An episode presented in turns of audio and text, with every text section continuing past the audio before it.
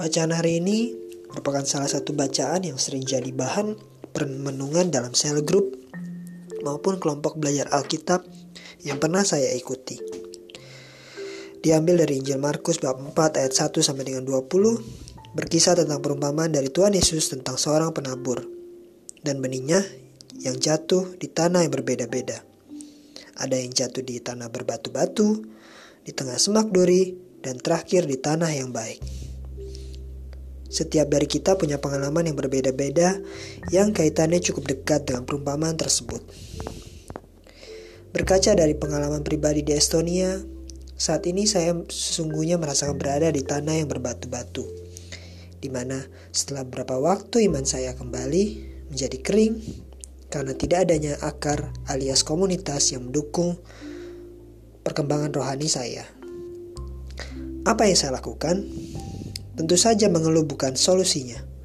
Saya kembali mencoba mencari tanah yang baik. Jika saya tidak bisa menemukannya, maka saya akan berupaya untuk membuatnya sendiri.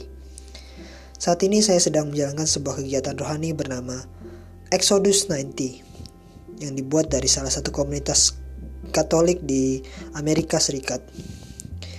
Kira-kira kegiatannya sebagai berikut dalam 90 hari mulai dari pertengahan Januari yang lalu hingga nanti memasuki masa pasca di bulan April 2020 selama total 90 hari saya akan berpuasa saya akan uh, berpantang dari berbagai macam hal seperti alkohol, makanan manis, minuman manis, mandi air hangat, televisi, video games, dan lain sebagainya.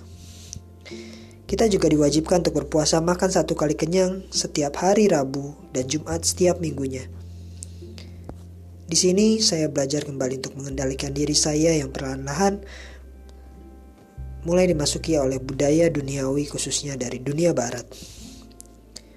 Saya akan berusaha sungguh-sungguh menjalani kegiatan menjalani Exodus 90 ini sehingga saya bisa menjadi sehingga saya bisa mempersiapkan dan landasan untuk tanah yang baik bagi saya dan juga teman-teman di sekitar saya. Semoga.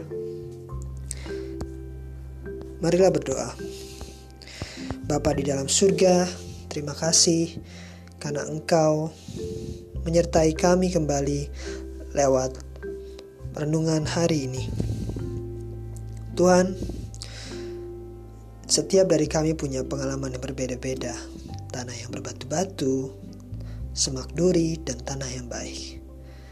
Untuk mereka yang saat ini berada di tanah yang berbatu-batu juga di tengah semak duri, kiranya janganlah kau tinggalkan mereka Tuhan, sertai mereka dengan roh kudusmu sehingga dalam kondisi sulit mereka, engkau tetap menyertai mereka, kau tetap berikan mereka secerca harapan sehingga kelak suatu saat nanti mereka bisa memperoleh tanah yang baik seperti yang kau janjikan.